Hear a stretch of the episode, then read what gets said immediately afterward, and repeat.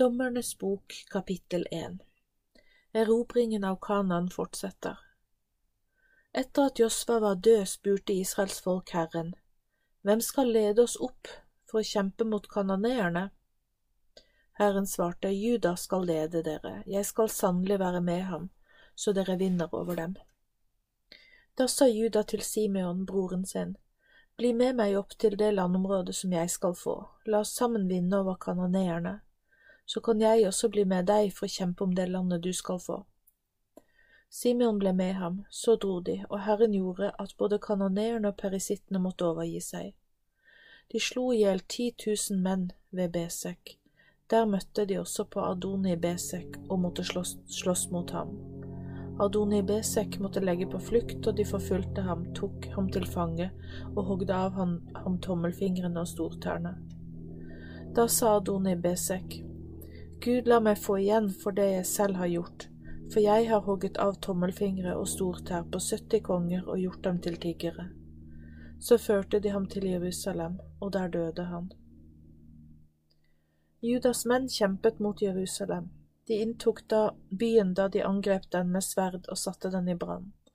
Etterpå dro Juda og folket ned for å kjempe mot kanoneerne, og som bodde i fjellene i sør og i lavlandet.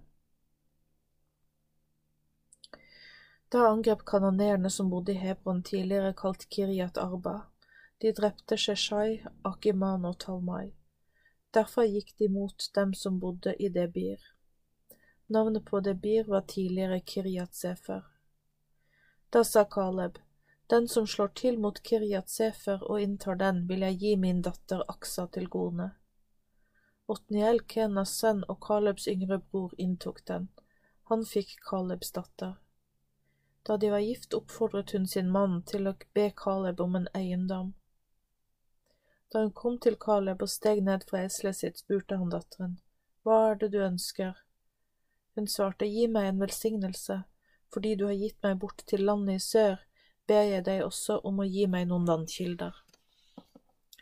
Da ga Caleb henne de øvre og de nedre kildene. Etterkommerne av Moses' svigerfar Kenitten dro opp fra Palmebyen sammen med Judas folk. De dro ut i Judeaørkenen som ligger i sør like ved Arad, og bosatte seg der. Juda gikk sammen med broren Simeon til angrep på kanonerene som bodde i Sefat. De lyste dem i bann, og derfor ble byen kalt Horma, som betyr bannlyst. Juda tok også Gaza, Ashkalon og Ekron med de landområdene som var omkring byene. Herren var med Juda, han vant over dem som bodde i fjellandet. Men dem som bodde i lavlandet, klarte han ikke å vinne over, for de hadde vogner av jern. De ga Hebron til Kaleb slik Moses hadde sagt. Han drev Anaks tre sønner bort derfra, men Benjamins etterkommere jagde ikke bort jebusittene som bodde i Jerusalem. Derfor bor jebusittene sammen med Benjamins etterkommere i Jerusalem helt til denne dag. Også Josefs familie dro opp mot Betel, og Herren var med dem.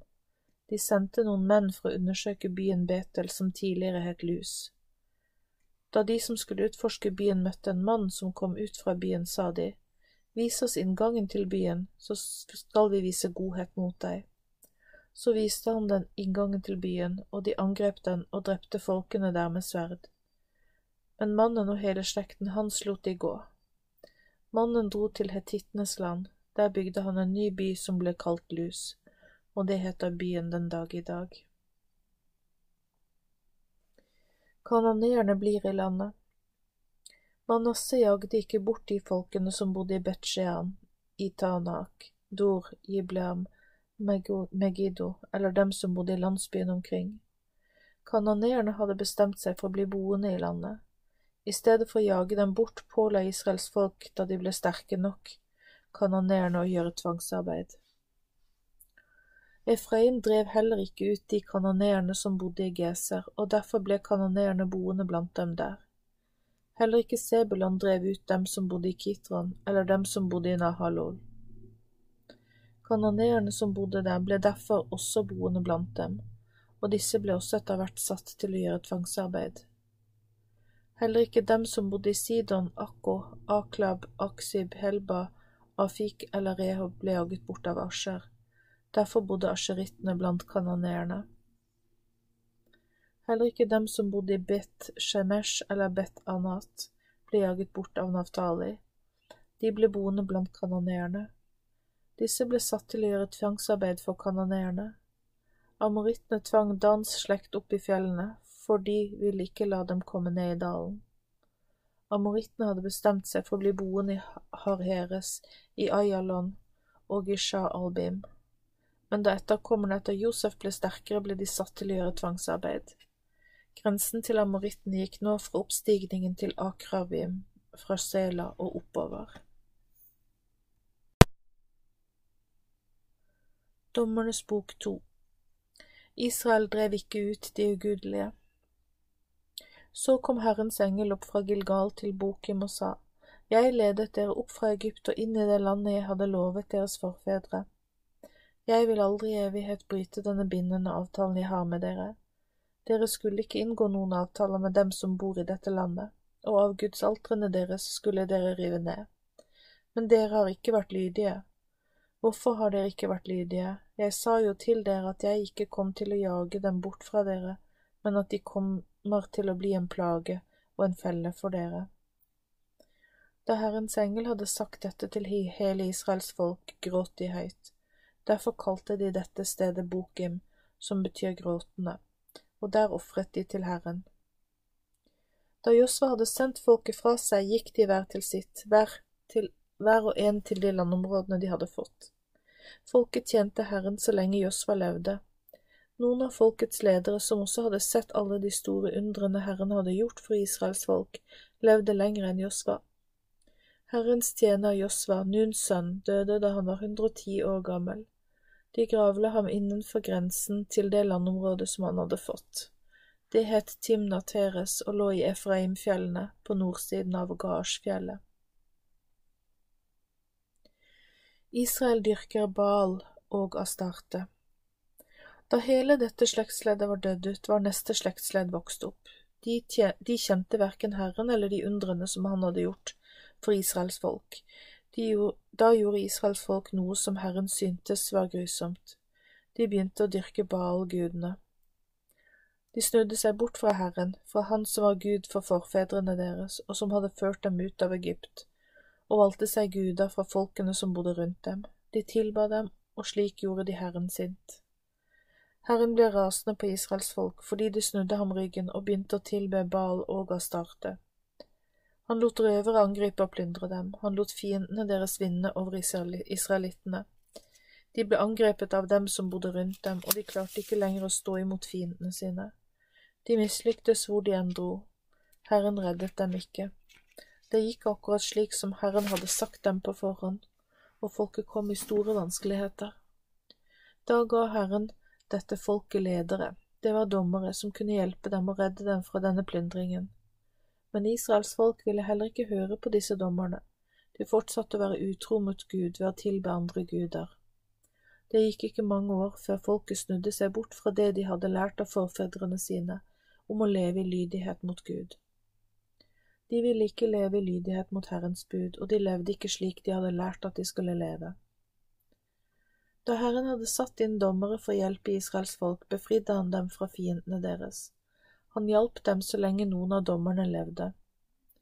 Herren var fylt av medlidenhet med Israels folk da de ble undertrykket og plaget. Da den siste dommeren var død, oppførte folket seg bare enda verre. De fulgte andre guder, dyrket og tilba dem, de fortsatte å leve livet sitt på tvers av Guds vilje, og de fortsatte med å vise trass mot Herren. Da ble Herren sint på Israels folk. Fordi dere har brutt denne bindende avtalen dette folkets forfedre inngikk med meg, og ikke har vært lydige mot det jeg har sagt, skal heller ikke jeg lenger hjelpe dere mot fiendene deres. Jeg redder dere ikke for folkeslagene som Josfa lot være igjen da han døde. Jeg skal gi dere utfordringer for å se om dere vil søke etter Herrens vilje og leve rett, slik forfedrene deres gjorde. Derfor lot Herren disse folkeslagene bli værende i landet. Han lot ikke Josva vinne over dem. Dommernes bok tre Folket skulle prøves. Herren lot flere folkeslag være igjen for å sette Israels folk på prøve. Denne generasjonen hadde ikke opplevd noen av krigene som Israels folk hadde kjempet seg gjennom for å få Kanaan.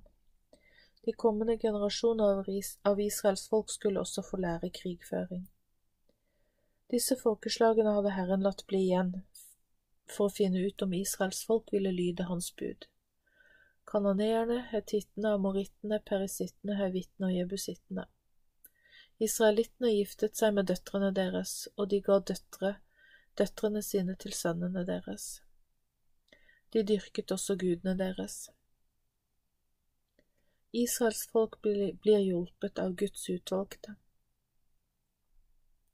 Det Israels folk gjorde var ondskap, de glemte Herren sin Gud og dyrket Baal-gudene og startebildene. Derfor ble Herren rasende på dem, og han lot Kushan Rishatims Mesopotamias konge vinne over dem. Israels folk måtte være tjenere for Kushan Rishatayim i åtte år. Da ropte Israels folk til Herren i sin nød. Herren lot Otniel, Kenas sønn og Kalebs yngre bror, redde Israels folk. Det gjorde han ved å la sin ånd komme over denne mannen. Otniel ble dommer og leder for Israels folk. Han dro ut i kamp, og Herren lot ham vinne over Kushan, Rishatayim, Mesopotamias konge. Så hadde de ro i landet i 40 år. Da døde Otniel. Israels folk gjorde igjen onde handlinger, derfor lot Herren Eglon, Moabs konge, ta med seg Ammons folk og Amalek. Sammen beseiret de Israel og tok Jeriko. I 18 år måtte Israels folk være tjenere for Eglon. Da ropte Israels folk til Herren i sin nød, og han sendte dem en ny redningsmann. Det var Benjamitten, Benjaminitten Ehud, Geras sønn. Han var venstrehendt, han lot Israels folk sende en gave til Eglon. Ehud lagde seg en halv meter langt sverd som var skarpt på begge sider. Han festet det ved den høyre hoften, under klærne. Så dro han med gaven til Eglon, Moabs konge. Da gaven var overlevert, sendte Ehud bort de andre, så han ble alene med kongen. Kong Eglon var en meget fet mann. Ehud sa, Jeg har noe jeg vil vise deg, jeg vil si deg, konge. Kongen hysjet på de andre som var til stede, og tjenerne hans ble sendt bort. Ehud var da alene sammen med kongen i det kjølige kammeret hans. Ehud sa videre, Jeg har et ord fra Gud til deg.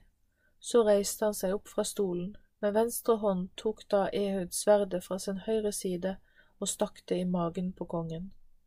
Til og med håndtaket gikk inn, gikk inn i kongens mage, og fettet lukket seg rundt hele sverdet.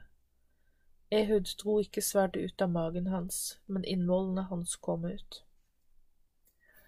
Ehud gikk så gjennom søylegangen, lukket dørene til kammeret etter seg og låste dem. Da han var gått ut, kom e kong Eglons tjenere for å se til kongen. Til deres overraskelse var dørene låst. Da sa de, han er antagelig opptatt med sitt eget i det kjølige rommet. De ventet lenge, men til slutt ble de rolige. De åpnet dørene, listet seg inn og fikk se at herren deres lå død på gulvet. Imens hadde det gått så lang tid at Ehud hadde kommet seg unna. Han hadde allerede kommet forbi steinbruddene i Gilgal og flyktet til Seira. Da han kom fram, blåste han i hornet på Efraimfjellene.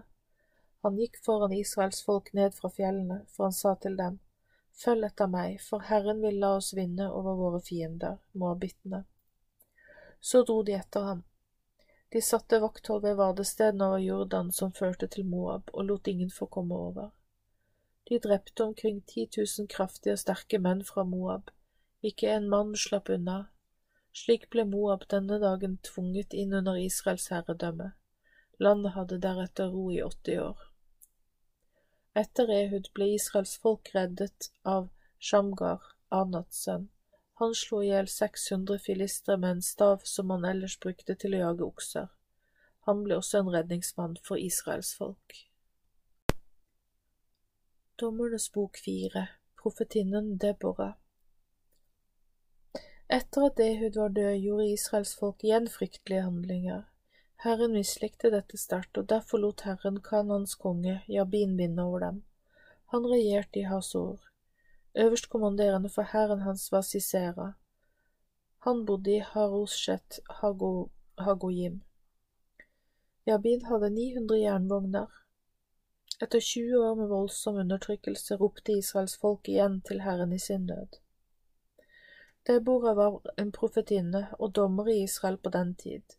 Hun var Lapidots kone. Hun pleide å sitte under et palmetre mellom Rama og Betel i Efraimfjellene. Dit pleide Israels folk å komme for å få hennes vurdering i diverse saker, for hun kunne felle en god dom. Hun sendte bud på Barak, Abinoams sønn fra Kedeshi Naftali, og sa til ham, Herren Israels Gud har befalt, gå av sted, marsjer mot Taborfjellet, ta med deg ti tusen menn fra Naftalis og Sebulons stammer. Sisera, øverstkommanderende for Jabins hær, vil komme mot dere med vognene og den store hæren sin. Dere vil møtes ved elven Kishon, og jeg skal la dere vinne over ham og hans hær. Barak sa til henne, Jeg skal gå hvis du går med meg, hvis ikke vil jeg ikke gå. Da sa hun, Visst skal jeg gå med deg, du kommer ikke til å få æren av å vinne over Sisera, for Herren skal la ham gi seg over til en kvinne. Deborah dro med Barak til Kadesh, Barak sendte bud på soldater fra Sebulon og Naftali stamme for å bli med og kjempe i Kadesh. Han dro av sted med ti tusen menn og med Deborah. Kenitten Hebe var et av barna til Hobab, Moses' svoger. Han hadde skilt lag med de andre kenittene og hadde slått opp teltet sitt like ved Kedesh ved Terebintreet i Saanamim. Sisera fikk melding om at Barak, Abinoams sønn, hadde dratt opp til Taborfjellet. Da samlet Sisera alle de 900 jernvognene sine og hele hæren han kunne samle sammen fra Haroshet Hagoyim til elven Kishon.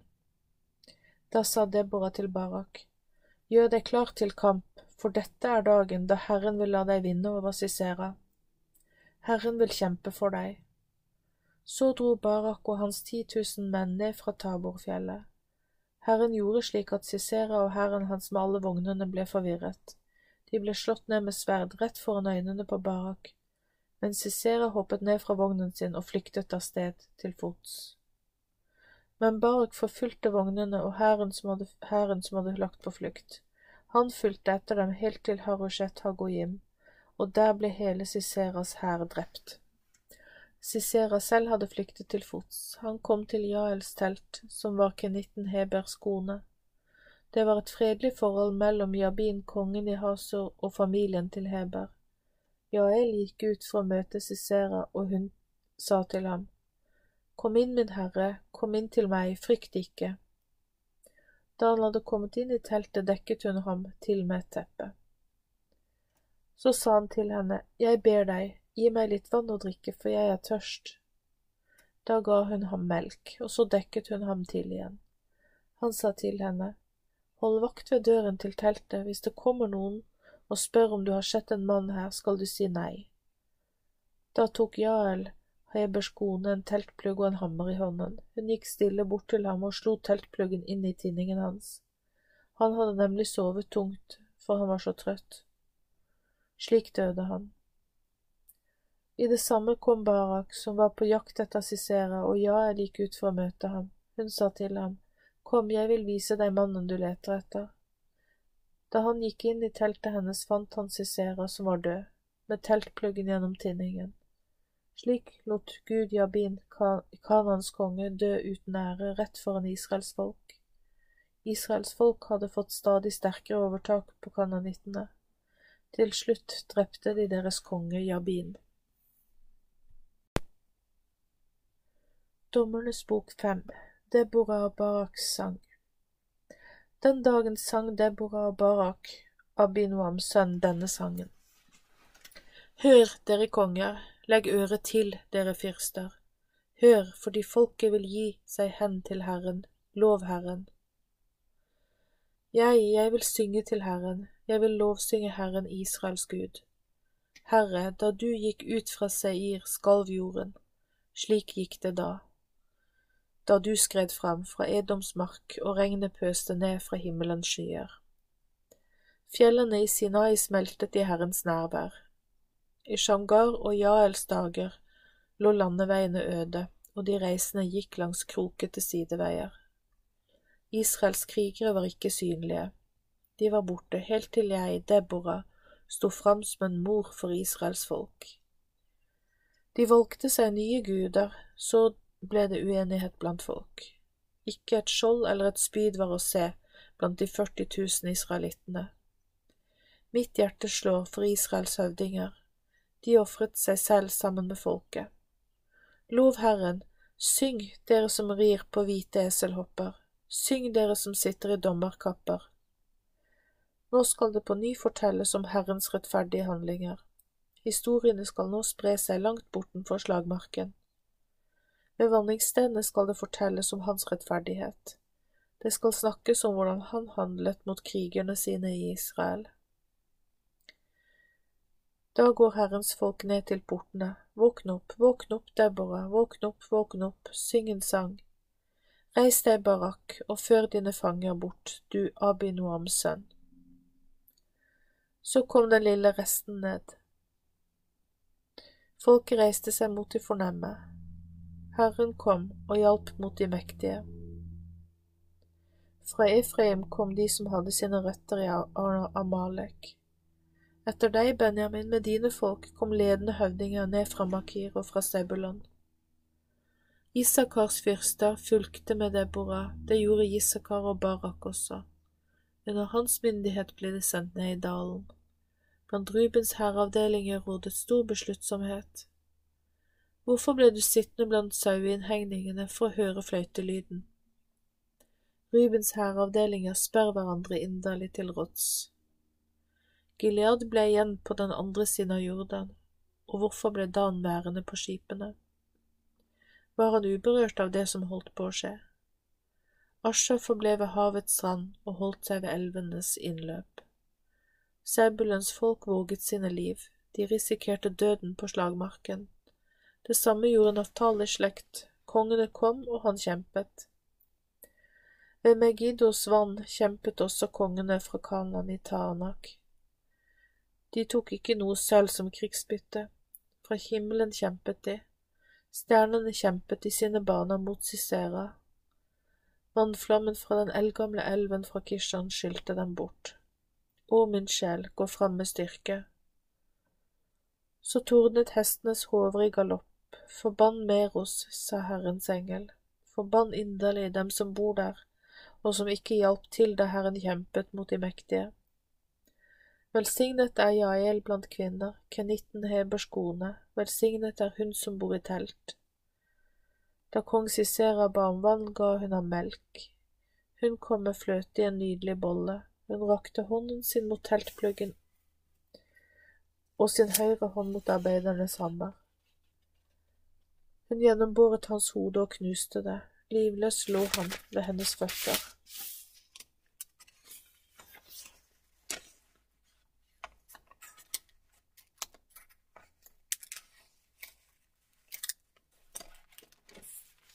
Siseras mor ventet på sin sønn.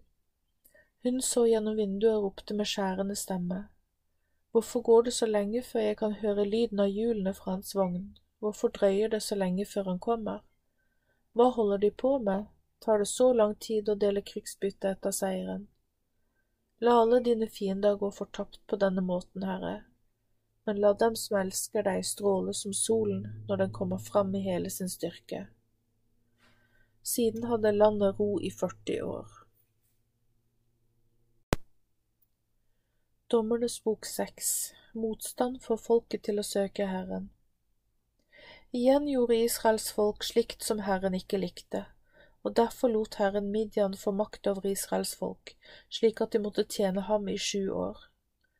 På grunn av midjanittene lagde Israels folk huler, grotter og festningsverk i fjellene. Hver gang Israels folk hadde sådd, kom midjanittene, midjanittene, amalekittene og folket fra øst for å ødelegge. De slo seg sammen mot Israels folk og ødela avlingene deres helt bort til Gaza. De lot ingenting bli igjen som folket kunne leve av, ikke en eneste sau, okse eller esel. De kom bare for å ødelegge. Tallrike som gresshopper pleide de å komme opp med husdyrene og teltene sine. De var så mange at verken de eller kamelene deres kunne telles. Slik ble Israel plaget av midjanittene. Utpinte ropte Israels folk bønner til Herren. Da sendte han en profet til dem som sa, Så sier Herren Israels Gud. Jeg, Herren, førte dere opp fra Egypt og befridde dere fra slaveriet. Jeg hjalp dere ut av grepet til alle undertrykkerne deres og til egypterne. Jeg drev dem bort rett foran ansiktet på dere og ga dere landet deres. Jeg sa også til dere at jeg er Herren deres Gud, vær ikke redd for amorittenes guder når dere bor i landet deres. Men dere har ikke vært lydige. Gideon redder Israel. Herrens engel kom og satte seg under terebintreet i Ofra. Treet tilhørte Abieser-litten Joash. Hans sønn Gideon tresket hvete i vindpressen for å gjemme den unna så den ikke skulle bli tatt av midjanittene. Herrens engel åpenbarte seg for Gideon og sa til ham, Herren er med deg, du mektige kriger. Da svarte Gideon, Herre, hør, hvis du er med oss, hvorfor har da alt dette hendt oss? Hvor er alle dine underfulle gjerninger som forfedrene våre fortalte oss om? De sa jo at Herren hadde ledet oss opp fra Egypt. Nå ser det ut som at du har forlatt oss, Herre, og derfor må vi lide under midnattene. Da svarte Herren, Du skal gå av sted, så sterk som du er, du skal redde Israels folk fra midjanittene. Det er jeg som gir deg oppdraget. Men da sa Gideon til Herren, Å min Herre, hvordan skal jeg kunne Israels, redde Israels folk? Når sant skal sies, kommer jeg fra den svakeste slekten i Manasseh, i tillegg er jeg den minste i familien. Herren sa til ham, Sannelig skal jeg være med deg, og du skal slå midjanittene ned som om de bare skulle ha vært én mann. Da sa Gideon, Hvis dette virkelig er sant, så gi meg da et tegn på at det er det, på at det er du, Herre, som sier dette til meg. Jeg ber deg om å bli her til jeg kommer tilbake med offergaven min. Engelen svarte, Jeg skal vente til du kommer tilbake. Så gikk Gideon inn og lagde i stand et kje. Han bakte brød som ikke kunne heves, som ikke skulle heves. Kjøttet la han i en kurv, og han helte suppen i en gryte. Alt dette tok han med ut til ham som satt under terabintreet, og han la det foran ham. Da sa Guds engel til ham, Ta kjøttet og brødet og legg det her på berget så skal du helle suppen over. Han gjorde det. Så rakte Herrens engel ut enden av staven han hadde i hånden, og rørte ved kjøttet og brødet. Da kom det flammer ut av fjellet og brente opp både kjøttet og brødet. Så dro Herrens engel bort fra ham. Gideon forsto at han virkelig hadde vært der med en engel som Herren hadde sendt til ham. Derfor sa Gideon, Å, Herregud, tenk at jeg har sett en Herrens engel ansikt til ansikt da sa Herren til ham, Fred være med deg, vær ikke redd, for du skal ikke dø. Så bygde Gideon et alter for Herren, som han kalte Herren er fred. Det står der helt til denne dag i abieristenes ofre. Samme natt sa Herren til ham, Ta den unge oksen til faren din og den sju år gamle oksen. Riv ned Baal-alteret til faren din og hogg ned Asherapellen som står ved siden av. Du skal bygge et alter for Herren din Gud på toppen av denne festningen. Bruk oksen som et offer og la den brenne på veden som du fikk da du hogget ned Ashera-gudinnen. Gideon tok med seg ti av de mannlige tjenerne sine og gjorde som Herren hadde sagt til ham. Fordi han var så redd for faren og de andre mennene i byen, våget han ikke gjøre det om dagen, så han gjorde det om natten. Gideon ødelegger avgudenes alter. Da mennene i byen sto opp tidlig neste morgen, lå Baals Salta nedrevet. Skulpturen til ære for Asjera som som hadde stått ved siden av alteret, var hogget ned. Et nytt alter var bygd, og der lå den ofrede oksen. Da spurte de hverandre, Hvem har gjort dette? Og da de hadde undersøkt litt, fikk de vite at det var Gideon, Joash sønn, som hadde gjort dette. Da sa mennene til Joash, Kom hit ut med sønnen din, han skal dø, for han har revet ned Baals alter og hogd ned Asherapellen som sto ved siden av den. Men da sa Joash til alle som sto rundt ham, Vil dere slåss for guden Baal, vil dere redde ham? Den som vil slåss for ham skal dø før i morgen tidlig. Hvis han er Gud, skal han kjempe for seg selv, siden alteret hans er blitt revet ned. Den dagen kalte de derfor Gideon fra for Jerubal, som betyr la Baal kjempe for ham, for han har revet ned alteret hans. Så samlet alle midjanittene, amalekittene og folket fra øst seg, og de slo leir på Israelsletten. Men Herrens ånd kom over Gideon. Han blåste høyt i hornet, og abiersittene samlet seg rundt ham. De fulgte så etter ham. Omkring hele Manas, til Asher, Sebulon og Naftali ble det sendt bud på folk.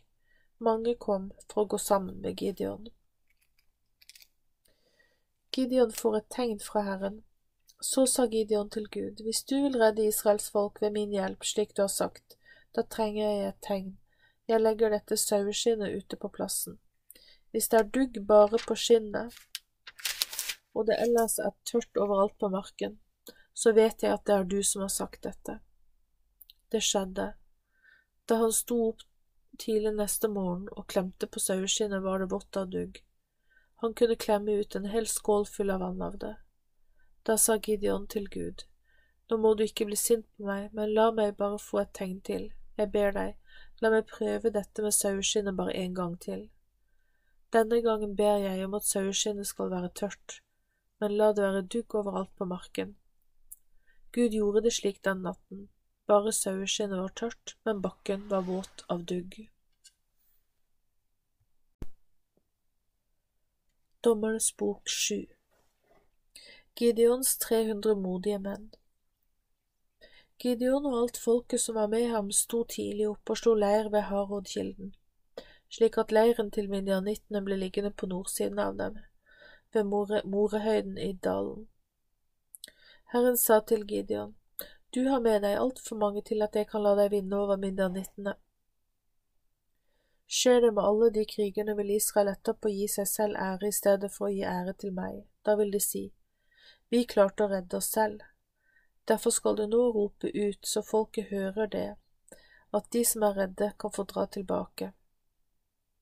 De kan forlate Gileadfjellet med en gang. Da dro 22 000 tilbake, og 10 000 ble igjen. Men Herren sa til Gideon, det er fremdeles for mange folk med deg.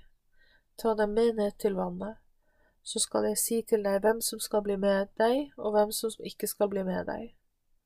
Gideon førte folket ned til vannet og lot dem drikke. Herren sa til Gideon, Du skal dele dem i to grupper. Hver den som lepper av vannet og drikker det som en hund, skal være i den ene gruppen. De som legger seg ned på knærne for å drikke, skal danne den andre gruppen. Tallet på dem som leppjet, var 300 menn, mens alle de andre la seg på kne for å drikke av vannet. Da sa Herren til Gideon, ved hjelp av de 300 mennene som leppjet skal jeg redde dere og la dere vinne over midjanittene, men la alle de andre dra hjem til seg selv. Så tok de 300 mennene som var valgt ut med forsyningen og blåseinstrumentene. Alle de andre ble sendt hjem. Midjans leir lå nedenfor ham i dalen. Samme natt sa Herren til ham, Stå opp og angrip leiren, for jeg skal la dere vinne over dem men hvis du er redd, skal du gå ned til utposten av leiren sammen med din tjener Pura. Du skal lytte til hva soldatene deres sier, da skal du få mot slik at du våger å angripe leiren. Sammen med sin tjener Pura gikk han så ned til utposten. Midjanittene, amalekittene og alt folket fra østen lå i dalen, like tett som en gresshoppesverm. Kamelene deres kunne ikke telles, for de var så mange som sanden på havets strand. Da Gideon kom ned til utposten, kunne han høre en soldat fortelle vennene sine om en drøm. Han sa, Jeg hadde en drøm der et brød kom rullende inn i Midjans leir. Det kom til et telt og traff det. Teltet ramlet fullstendig sammen. Da svarte vennen hans, Dette kan ikke bety noe annet enn at vi skal bli angrepet av Gideon. Han er en israelitt. Gud vil la ham vinne over midjanittene. Da Gideon hørte om drømmen og tolkningen av den, falt han ned og tilba Herren. Han dro tilbake til Israels leir og sa, Pakk sammen og la oss dra, for Herren vil la oss vinne over Midjan. Så delte han de 300 mennene inn i tre tropper, og hver mann fikk et horn i hånden, sammen med tomme krukker og fakler inne i krokene. Han sa til dem, Se nøye etter hva jeg gjør. Når dere kommer til utkanten av leiren, skal dere gjøre det samme som jeg. Når jeg og alle som er med meg blåser i instrumentene, skal dere også blåse i basunene rundt hele leiren, så skal dere rope, for Herren og for Gideon. Så kom Gideon og de hundre mennene hans til utkanten av leiren idet den mellomste vaktøkten begynte. De blåste i basunene og knuste krukkene som de hadde i hendene. Så blåste de tre flokkene i basunene og knuste krukkene. De holdt faklene i venstre hånd og basunene i høyre hånd så de kunne blåse instrumentene. Alle ropte For Herren og for Gideon. Hver mann ble stående på sin plass rundt hele leiren. Hæren inne i leirene, leiren løp hit og dit mens de ropte og forsøkte å flykte. Da de 300 mennene blåste instrumentene, lot Herren alle i leiren begynne å slåss med hverandre. Herren flyktet til Bet Hashita mot Seera, Serera helt til grensen mot Abel Mehola ved Tabat. Gideons menn forfulgte midjanittene. Så sendte Gideon bud til alle som bodde i Efraimsfjellene. Kom ned mot midjanittene og ta fra dem vanningsplassene helt til Bet-Bara og Jordan. Mennene skyndte, skyndte seg av sted og tok kontroll over vanningsplassene. De tok midjanittenes to fyrster, Oreb og Seeb, til fange. De drepte Oreb ved Oreb-klippen, og Seeb drepte de ved Seeb-vinpresset. De forfulgte Midjan og tok med seg hodene til Oreb og Seeb for å gi til Gideon på den andre siden av Jordan. Dommernes bok åtte Gideon får overtaket på midjanittene. Mennene fra Efraim sa til Gideon, Hvorfor tilkalte du oss ikke da du dro ut for å kjempe mot midjanittene? De satte ham kraftig på plass for at han ikke hadde tatt dem med. Han svarte dem, Dere har jo virkelig fått bidra, dere var jo med på den seirende avslutningen. Gud lot dere jo vinne over Midjans fyrster Oreb og Seeb. Sammenlignet med dere har ikke jeg gjort noe særlig. Da han sa det, roet de seg ned. Da Gideon og de 300 mennene hans kom til Jordan, dro de, ikke, dro de over elven. De var slitne, men de fortsatte likevel å forfølge fienden. Så sa han til mennene i Sukkot, gi noe brød til soldatene mine, for de er så slitne. Selv skal jeg forfølge Seba og Salmunna, Midians konger. Men lederen i Sukkot sa, har du slik kontroll på situasjonen at du lar hæren din stoppe her for å spise? Da sa Gideon irritert, dere skal senere straffes for at dere legger dere borti dette. Gideon dro så derfra til Penuel, og han ba også dem om brød til soldatene sine. I Penuel svarte de akkurat det samme som mennene i Sukkot hadde svart. Gideon svarte mennene i Penuel, irritert over innblandingen. Når jeg er ferdig med denne kampen, skal jeg rive ned dette tårnet. Seba og Salmunna hadde slått leir i Karkor sammen med styrkene sine. De var omkring 15 000 menn. Allerede var 120 000 mann drept. Så gikk Gideon opp langs veien til dem som bodde i telt på østsiden av Noba og Jugbea. Han slo til mot fienden mens de følte seg trygge i leiren sin. Da kongene Seba og Salmunna flyktet, forfulgte han dem. Han tok de to Midian-kongene til fange og ødela hele hæren deres. Så dro Gideon tilbake. Han dro oppover bakken til Heres. Han tok en ung mann blant mennene fra Sukkot til fange og avhørte ham. Den unge mannen skrev ned navnene på de forskjellige lederne i Sukkot. Det var til sammen 77 menn.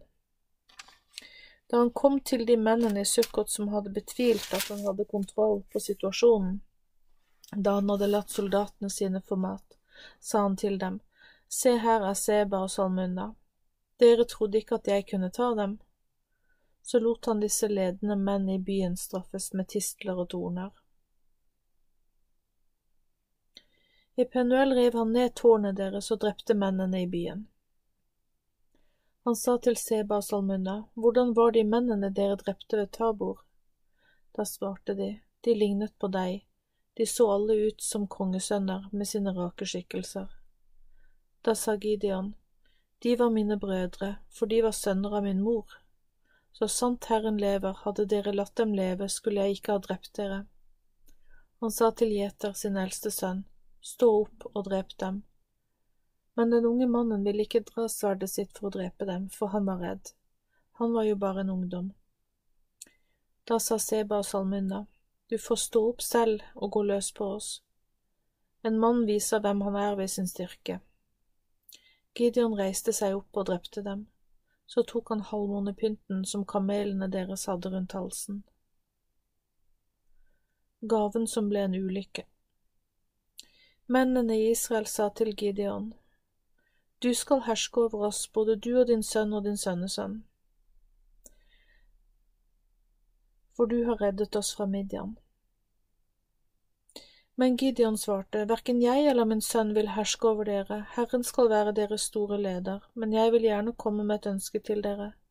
Hver av dere skal gi meg øreringene som dere tok som krigsbytte. Midjanittene var kjent for alt gullet som de hadde.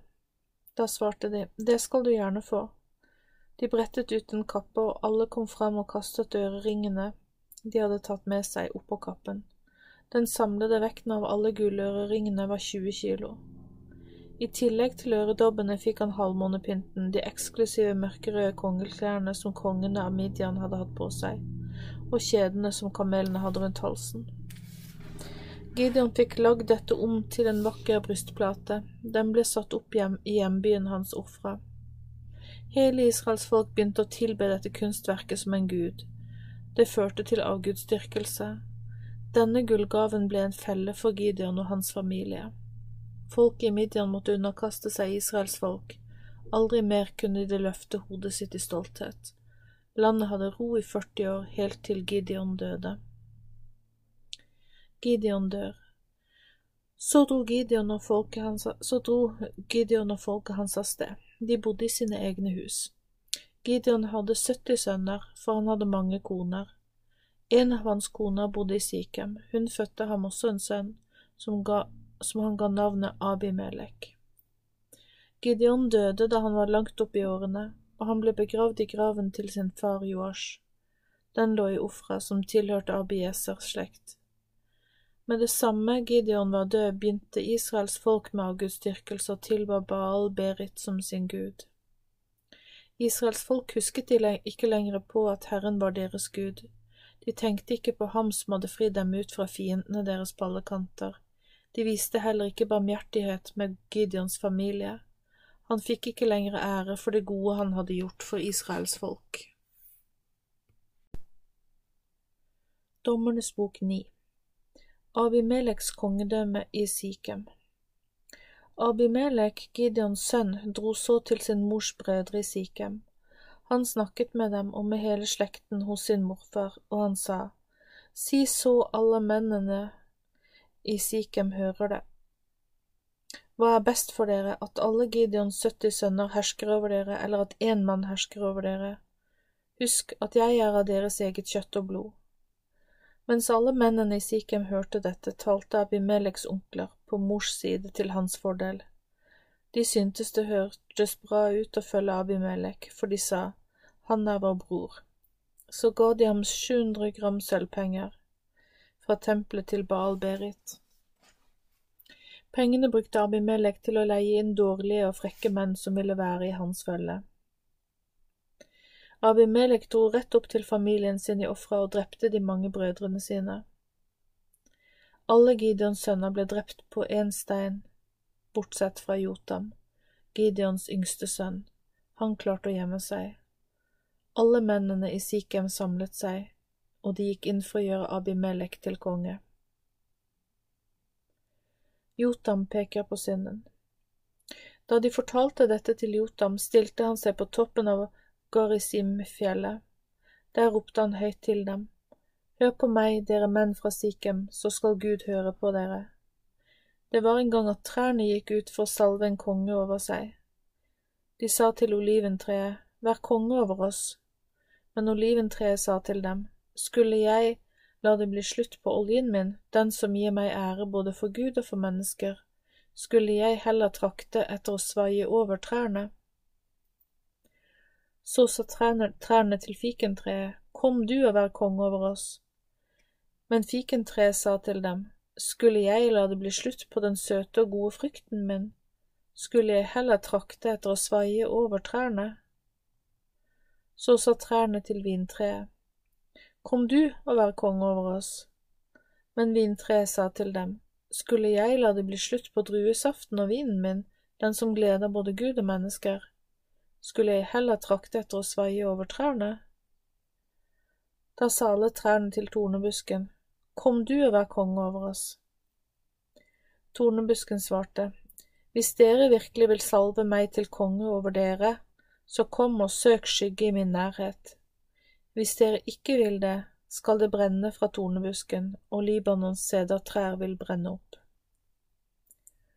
Har dere gått rett fram, var det beste som kunne skje at dere gjorde Abimelek til konge. Har dere oppført dere rett mot Gideons familie og behandlet ham med den æren han fortjener? Min far kjempet en hard kamp for dere, han våget sitt liv, og han befridde dere fra Midian.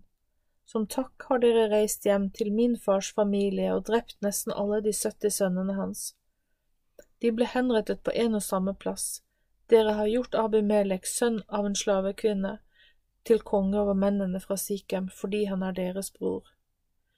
Hvis dere hadde gått rett frem og behandlet Gideons familie på en rettferdig og ærlig måte, da skulle dere gledet dere over at Abimelek er blitt konge, og han ville kunne ha gledet seg over dere. Men hvis ikke skal, dere snart stå flammer, skal det snart stå flammer ut fra Abimelek. Han vil gjøre ende på mennene i Sikhem og Betmillo. Da vil også flammene stå fra Sikhem og fra Betmillo, og de vil drepe Abimelek. Så la Jotam på sprang og flyktet bort. Han dro opp til Beer og bodde der av frykt for sin bror Abimelek. Jotams ord går i oppfyllelse. Etter at Abimelek hadde hersket over Israel i tre år, sendte Gud en ond ånd som forpestet forholdet mellom Abimelek og mennene fra Sikhem. Mennene fra Sikhem forrådte Abimelek som hevn mot den forbrytelsen som var begått mot Gideons 70 sønner. De som hadde utført dette, skulle straffes. Det gjaldt både Abimelek og de mennene fra Sikhem som hjalp ham med å drepe sine brødre. Mennene fra Sikhem lot noen menn ligge i bakhold på fjelltoppen, og de ranet alle som gikk forbi dem på veien. Dette ble fortalt til Abimelek. Gal, Ebeds sønn, kom sammen med brødrene sine, og mennene i Sikhem fikk tillit til ham. Så gikk de ut på marken, høstet druer og lagde vin. Deretter holdt de en gledesfest. De gikk inn i avgudstempelet sitt og spiste og drakk mens de forbannet Abimelek. Da sa Gal, Hvorfor er Abimelek så viktig? Hvorfor skulle vi tjene ham i Sikhem? Er ikke han Gideons sønn, og er ikke Sebul embetsmannen hans? Men hvorfor skulle vi tjene ham? Hvis bare dette folket ville latt seg styre av meg, skulle jeg fått bort Abimelek. Abimelek burde gjøre hæren sin større og dra ut. Da Sebul, fyrsten i byen, hørte hva Gaal hadde sagt, ble han sint. I all hemmelighet sendte han en beskjed til Abimelek som sa, Vær på vakt. Gaal og hans brødre har kommet til Sikhem, nå er de her og setter byen opp mot deg. Derfor skal du og Herren din reise av sted midt på natten, dere bør legge dere i bakhold på marken. Med det samme solen står opp i morgen tidlig, skal dere storme fram mot byen. Når han og Herren hans kommer ut mot deg, skal du gjøre det du synes er rett. Abimelek og hele hæren hans dro av sted midt på natten, og de la seg i bakhold mot Sikhem i fire tropper. Da Gaal gikk ut og stilte seg ved inngangen til byporten, rykket Abimelek og hæren hans fram fra bakholdet. Da Gaal så, her, så hæren, sa han til Sebul, Se, det kommer en hær ned fra fjelltoppene. Men Sebul sa til ham, Du forveksler skyggen av fjellet med mennesker. Da talte Gaal igjen, Se, det kommer en hær ned fra midten av landet, og en annen tropp kommer fra plassen som blir kalt Spormannseika. Da sa Sebul til ham, Hvor er, hvor er nå dine store ord, du som spurte, Hvorfor er Abimelek så viktig at vi skulle tjene ham? Er ikke dette den hæren du sa var så dårlig? Hvis du vil, kan du nå dra ut og kjempe mot den. Så dro Gaal ut foran mennene fra Sikhem og kjempet mot Abimelek. Men Abimelek jaget ham, og han flyktet fra ham. Mange av Sikhems menn ble såret og døde langs veien mens de trakk seg tilbake til byporten. Så ble Abimelek værende i Aruma. Sebul bort, drev bort Gaal og brødrene hans, for de fikk ikke bo i Sikhem lenger. Dagen etter begynte folk å dra ut av byen. Abimelek fikk høre det og tok med seg hæren sin, delte dem inn i tre tropper og la seg i bakhold. Han lå og så på at folket forlot byen. Abimelek og troppene som var med ham, stormet da fram og stilte seg ved inngangen til byporten. De andre to troppene stormet fram mot alle som var utenfor byen, og slo dem i hjel. Slik kjempet Abimelek mot byen hele denne dagen. Han inntok den og drepte alle menneskene som var i den. Han rev ned byen og strødde salt over den. Da alle mennene i Sikhems borg fikk høre dette, gikk de ned til fluktrommet i tempelet til guden Berit.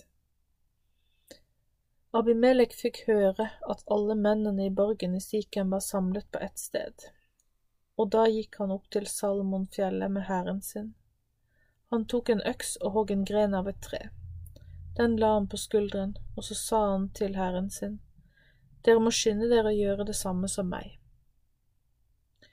Så gjorde alle i hæren det samme, de hogg ned en gren hver og fulgte etter Abimelek. Så la de grenene opp mot festningen og satte fyr på festningen over seg, slik at alt folket i Sikemsborg døde. Det var omkring tusen menn og kvinner. Deretter dro Abimelek til Tebes, som han beleiret og inntok. Det var et kraftig tårn midt i byen, og alle mennene og kvinnene, alt folket i byen flyktet dit og stengte seg inne. Så gikk de opp til toppen av tårnet. Da Abimelek kjempet seg helt fram til tårnet, satte han fyr på inngangen. Da kastet en kvinne en kvernstein i hodet på ham, og den knuste skallen hans. Abimelek var snar til å rope på den unge mannen som var med som våpenbærer. Han sa, Dra sverdet ditt og drep meg, så de ikke kan si at det var en kvinne som drepte meg. Så stakk den unge mannen sverdet gjennom ham, og han døde.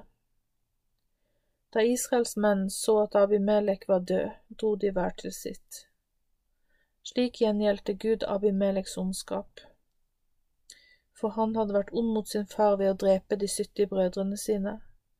All ondskapen mennene fra Sikhem hadde gjort, lot Gud ramme dem selv. Jotams, Gideons sønns forbannelse, rammet dem. Dommernes bok ti Flere dommere skulle veilede Israel. Etter Abimelek sto Tola fram for å redde Israel. Han var sønn av Pua, som igjen var Dodos sønn, en av Isakars menn. Han bodde i Shamir i Efraimfjellene. I 23 år var han dommer i Israel, så døde han og ble begravet i Shamir. Etter ham sto gileaditten Jair frem. Han var dommer i Israel i 22 år. Han hadde 30 sønner som red på 30 esler. De hadde også 30 byer, og de ligger i Gileadlandet. Jair døde og ble begravd i Kamon. Må lide for sin ulydighet. Så begynte Israel igjen med avgudsdyrking. De dyrket Baal og Astarte, som var Syrias, Sidons og Moabs guder. De dyrket også gudene til folk i Ammon og filisternes guder. De forlot Herren sin Gud og tjente ham ikke lenger. Dette gjorde Herren rasende. Han lot fiendene deres, filisterne og ammonfolket, få overtaket på dem. Samme året gjorde de et knusende angrep på Israels folk. I 18 år underkuet de alle dem av Israels folk som var, med, som var på den andre siden av Jordan, i amorittenes land, i Gilead. Folk i Ammon dro også over Jordan for å slåss mot Juda, mot Benjamin som mot Efraims stamme. Nå var Israels folk kommet i stor nød. Da ropte Israels folk til Herren, Vi syndet mot deg da vi forlot deg og dyrket Baal-gudene. Da svarte Herren, Har jeg ikke befridd dere fra egypterne, fra amorittene og fra filisterne? Også da sidonierne, amalekittene og midjanittene undertrykte dere, ropte dere på meg, og jeg befridde dere. Likevel forlot dere meg og dyrket andre guder. Derfor ville jeg ikke redde dere flere ganger. Gå av sted og rop til de gudene dere har, valg har valgt dere, la dem redde dere når dere er i nød. Israels folk sa til Herren, Vi har syndet, vi ber deg, la din godhet komme over oss, du kan gjøre hva du vil med oss, bare de hjelper oss denne gangen. Så rensket de bort de fremmede gudene de hadde hos seg, og de tjente Herren. Herren holdt ikke ut å se på israelsfolkets ulykke. Deretter ble folket fra Ammon kalt sammen, og de slo leir i Gilead. Israels folk samlet seg og slo leir i Mispa. Hæren og føreren i Gilead sa da til folket, Hvem vil kjempe mot folket fra Ammon? Han skal bli leder over alle som bor i Gilead. Dommernes bok 11 Jefta velges til overhode for gileadittene. Gileaditten Jefta var en mektig kriger. Faren hans var Gilead, men moren hans var en prostituert. Gilead fikk også sønner med sin egen kone. Da de vokste opp, jaget de Jefta bort og sa til ham, Du skal ikke dele vår fars arv, for du er sønn av en annen kvinne. Da flyktet Jefta fra brødrene sine og bosatte seg i landet Tob. Dårlige menn flokket seg rundt Jefta og ble med ham. Så kom en tid da folket i Ammon gikk til kamp mot Israel. De dro de eldste Gilead av sted til Tob for å hente Jefta. De sa til ham, Kom og bli lederen vår, så vi kan kjempe sammen mot folket fra Ammon.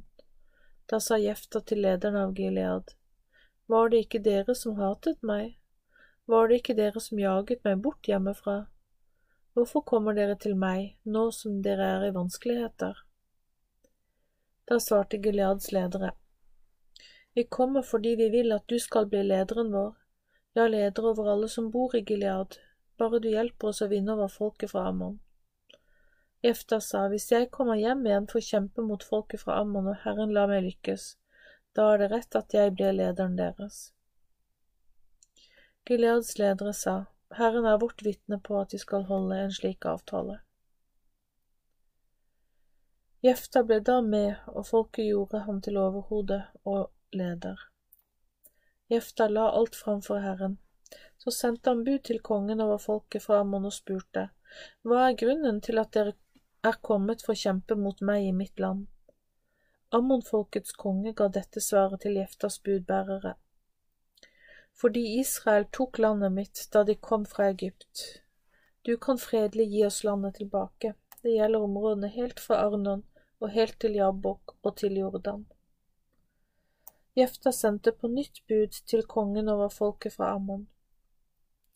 Jefta sier at Israel ikke tok Moabs land eller landet til Ammons folk. For da Israel dro fra Egypt, dro de gjennom ørkenen helt til Rødehavet og kom til Kadesh. Da hadde folket sendt bud til Edoms konge og bedt om lov til å få dra gjennom landet hans. Men Edoms konge ville ikke høre på dem. Det samme skjedde med Moabs konge, heller ikke han ville gå med på å slippe folket vårt inn i landet sitt. Derfor ble Israel i Kadesh. Israels folk dro dermed videre i ørkenen og gikk utenom Edom og Moab, uten å krysse grensen til Moab.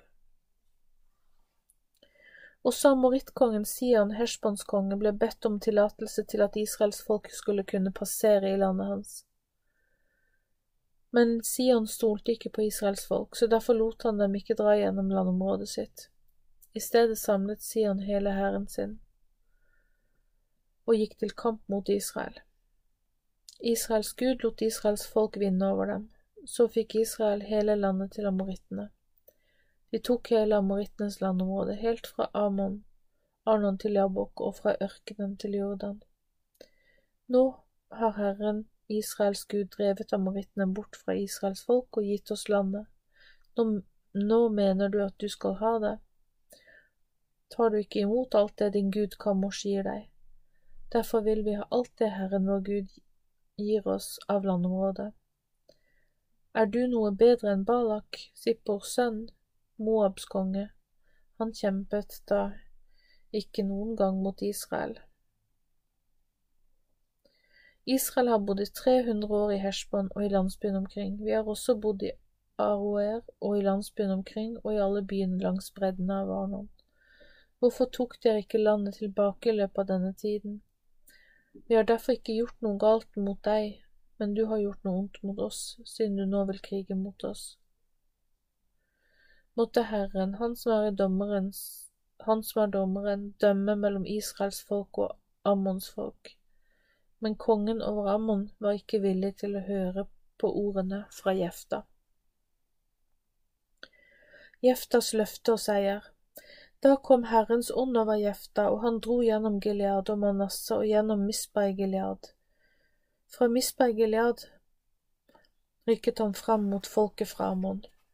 Jefta avla dette løftet til Herren. Hvis du virkelig vil la meg vinne over Ammon, da skal det være slik at den som kommer ut av døren i huset mitt for å møte meg når jeg kommer hjem etterpå, skal tilhøre Herren. Jeg skal ofre den personen som brennoffer. Så rykket Jefta fram i krig mot folket fra Ammon, og Herren lot ham vinne. Han slo dem fra Roer og til Minit og helt til vingårdsmarkene ved Abel Keramim. Han tok tjue byer og mange ble drept, slik ble folket fra Ammon ydmyket av Israels folk. Jeftas datter. Da Jefta kom tilbake til huset sitt i Mispa, var det datteren hans som kom ut av døren for å møte ham med tamburiner, lovsang og dans. Hun var den eneste, det eneste barnet hans. Da han fikk øye på henne, flerret han klærne sine i fortvilelse og sa, Nei og nei, min datter, hvilken dyp sorg, for en smerte. Jeg ga Herren et løfte, og jeg kan ikke tilbakekalle det. Da sa hun til ham, Min far, har du lovet Herren noe, så må du gjøre det. For Herren ga deg jo hevn over fiendene dine. La meg bare få dette ønsket oppfylt, og være borte fra deg i to måneder. Jeg vil flakke omkring i fjellene og gråte over at jeg aldri skulle bli gift. Jeg vil ta med meg venninnene mine. Da sa han, gå av sted. Han lot henne dra bort i to måneder. Hun vandret omkring i fjellene sammen med venninnene sine. Etter to måneder kom hun tilbake til faren sin, og han gjorde med henne slik han hadde lovet Herren. Hun hadde ikke hatt sex med noen mann. Det skulle bli en tradisjon i Israel at de unge kvinnene gikk av sted fire dager hvert år for å sørge over gileaditten Jeftas datter.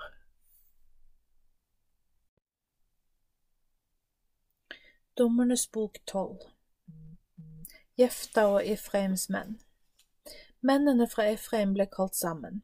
De dro over mot Safon og sa til Jefta, Hvorfor dro du for å krige mot Ammons folk uten å sende bud på oss, så vi kunne dra med deg? Vi skal sette fyr både på deg og huset ditt. Jefta sa til dem, Både folket mitt og jeg var i en voldsom kamp med folket fra Ammon. Da jeg sendte bud etter dere, reddet dere meg ikke da dere ikke kom, tok jeg dette i egne hender og dro over mot folket fra Ammon. Herren lot meg vinne. Hvorfor har dere da kommet mot meg i dag for å kjempe mot meg? Jefta samlet alle mennene i Gilead og gikk til krig mot Efraim og vant over dem. Gileadittene overtok efraimittenes vadesteder ved Jordan og stengte dem for efraimittene. Hver gang en efraimitt som var på flukt, prøvde å lure seg unna ved å be om å få vade over Jordan, spurte mennene fra Gilead ham om han var en efraimitt. Hvis han benektet det, ba de ham om å si Shibolet, for dersom han ikke kunne uttale det riktig, men sa Sibolet, visste de at det ikke stemte. Alle som ikke klarte å si ordet rett, grep de og drepte ved vadestedene over Jordan. Der ble 42 000 efraimitter drept. Jefta var dommer i Israel i seks år, så døde han og ble gravlagt i hjembyen Gilead. De neste dommerne Etter ham var Ibsan fra Betlehem dommer i Israel. Han hadde 30 sønner og 30 døtre. Døtrene giftet han bort andre steder. Til sine sønner hentet han tretti unge damer fra andre steder. Han var dommer i Israel i sju år, så døde Ibsan og ble begravd i Betlehem. Etter ham var sebulonitten Elon dommer over i Israel i ti år. Han døde og ble begravd i Ayalon i Sebulonlandet. Etter ham var det Abdon, piratonitten, Hillels sønn, som var dommer i Israel. Han hadde 40 sønner og 30 sønnesønner, som red på 70 eselfoler. Han var dommer i Israel i åtte år. Så døde Abdon og ble begravd i Piraton i Efraimlandet, i Amalekittenes fjelland.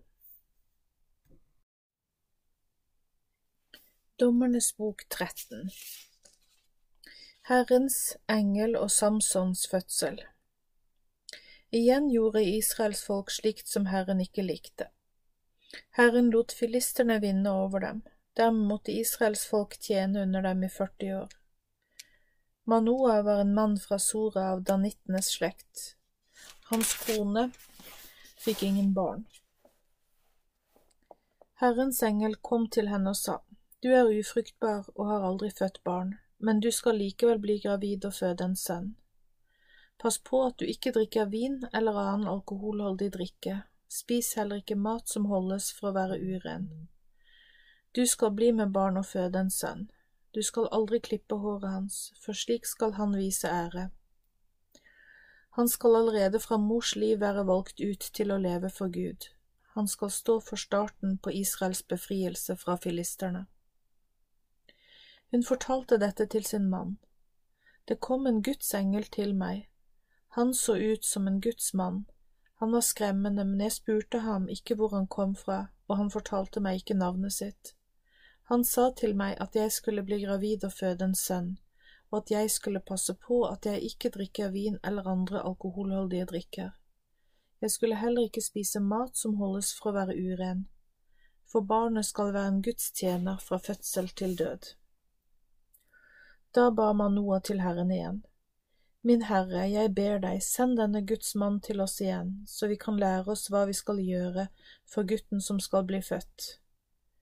Gud hørte på Manoas bønn, og Guds engel kom igjen til kvinnen mens hun satt ute på marken, men mannen hennes Manoa var ikke sammen med henne. Da løp hun av sted og hentet mannen sin, hun sa til ham, Se, mannen som kom til meg forleden dag, har nettopp vist seg for meg igjen. Da reiste Manoa seg opp og ble med kona si. Da han kom til mannen, sa han til ham, Er du mannen som snakket denne, til denne kvinnen? Han sa, Det er jeg. Manoa sa, La nå ordene dine gå i oppfyllelse. Hva skal guttens oppgave være, hva skal vi gjøre? Da sa Herrens engel til Manoa, Alt det jeg sa til kvinnen må hun gjøre. Hverken vin eller sterke drikker må hun drikke, og hun må ikke spise noe urent. Alt det jeg har sagt til henne skal hun gjøre. Da sa Manoa til Herrens engel, Jeg ber deg, bli her en stund, så skal vi lage et godt måltid mat. Herrens engel sa til Manoa, selv om jeg skulle bli her en stund, vil jeg ikke spise maten din, men hvis du skal steke kjøtt, så la det være et brennoffer til Herren. Manoa forsto ikke at han var en Herrens engel. Da sa Manoa til engelen, hva heter du? Når ordene dine går i oppfyllelse, vil vi gjerne i takknemlighet vise deg ære. Herrens engel svarte, Hvorfor spør du om navnet mitt, for se, det er underfullt. Da tok Manoa kjeet fra jordens avlinger som skulle ofres. De la det på alteret og ofret det til Herren. Rett foran øynene på Manoa og kona hans skjedde det da noe fantastisk. Mens flammene fra offeret steg fra alteret opp mot himmelen, forsvant Herrens engel inn i flammene, og slik ble han borte. Manoa og kona hans la seg ærbødig ned med ansiktet mot jorden. Da forsto Manoa at han hadde møtt en Herrens engel. Manoa sa til kona si, Nå må vi sannelig dø, for vi har sett Gud. Men hun sa, Hvis Herren ville drepe oss, ville han ikke tatt imot det vi her har ofret til ham, eller latt oss høre alt dette. Så fødte kvinnen en sønn og kalte ham Samson. Gutten vokste opp, og Herren velsignet ham. Herrens ånd ledet ham. Dommernes bok 14 Samson gifta seg med en filister. Samson dro ned til Timna, der så han en kvinne han virkelig likte. Hun var datter av en filister. Han dro hjem og fortalte det til foreldrene sine. I Timna har jeg sett en kvinne, en av filistrenes døtre. La meg få gifte meg med henne. Men de spurte ham, finnes det ingen kvinne blant hele vårt folk som du vil ha til kone? Hvorfor må du gå bort og hente en kone fra filisterne? De er jo ikke Guds folk. Men Samson sa til faren sin, Hent henne til meg, hun er den rette i mine øyne. Faren og moren hans forsto ikke at det var en del av Herrens plan. Herren søkte etter en anledning til å gå ut mot filisterne, for på denne tiden hersket filisterne over Israel. Så dro Samson ned til Timna sammen med faren og moren sin, og de kom til vingården i Timna. Der kom det en ung, brølende løve mot ham. Herrens ånd kom mektig over ham, og han rev løven i stykker med bare nevene, som om det skulle være et lite kje. Han fortalte ikke dette til foreldrene sine. Så dro han videre for å snakke med kvinnen. Hun var den Samsons ville ha. Etter en tid gikk han forbi stedet hvor han hadde drept løven. Han gikk av veien for å se på kadaveret av løven. Der hadde en bisverm lagd honning i kadaveret. Han tok med seg noe honning, han spiste mens han gikk videre, og da han kom til faren og moren sin, ga han noe til dem. De spiste også, men fortsatt fortalte han, ikke, han dem ikke hvor honningen kom fra, og at han hadde drept løven. Mens faren hans hadde ordnet i stand til bryllupet, holdt Samson en fest i Timna, slik man pleide. Da brudens foreldre så ham, valgte de ut 30 brudesvenner som fulgte ham. Da sa Samson til dem, La meg gi dere en gåte. Hvis dere kan løse den og forklare den for meg i løpet av de sju dagene festen varer, vil jeg gi dere 30 linkåper og 30 skift med kjortler. Men hvis ikke dere kan forklare den for meg, skal dere gi meg 30 linkåper og 30 skift med kjortler. De sa til ham, Fortell oss gåten, så vi kan få høre den. Så da sa han til dem, ut av den som spiser, kom noe å spise, og ut av den sterke kom noe søtt. I løpet av tre dager hadde de ennå ikke klart å løse gåten. De sa til Samsons kone, Du må lokke mannen din til å forklare gåten for oss, ellers kommer vi til å brenne opp både deg og hele familien til faren din. Har dere invitert oss på fest for å plyndre oss, er det slik? Da gråt Samsons kone hos ham og sa til ham, Du bare hater meg, du elsker meg ikke, du har fortalt en gåte til mennene blant mitt folk, men du har ikke forklart den for meg. Han svarte henne, Jeg har ikke forklart den verken for faren eller moren min, skulle jeg da forklare den for deg? Hun fortsatte å gråte så lenge festen varte. Til slutt fortalte han løsningen til henne, fordi hun maste slik på ham. Hun fortalte løsningen til mennene blant sitt folk. Før solen gikk ned på den sjuende dagen, sa mennene i byen til ham, Hva er søtere enn honning og hva er sterkere enn en løve? Han sa til dem, Hadde dere ikke presset min kone, kunne dere ikke løst gåten. Da kom Herrens ånd mektig over ham, og han gikk ned til Ashkalon og drepte tretti av mennene deres. Han tok det de hadde på seg, og ga klærne til dem som hadde forklart gåten. Slik ble han sint, og deretter dro han tilbake til farens hus.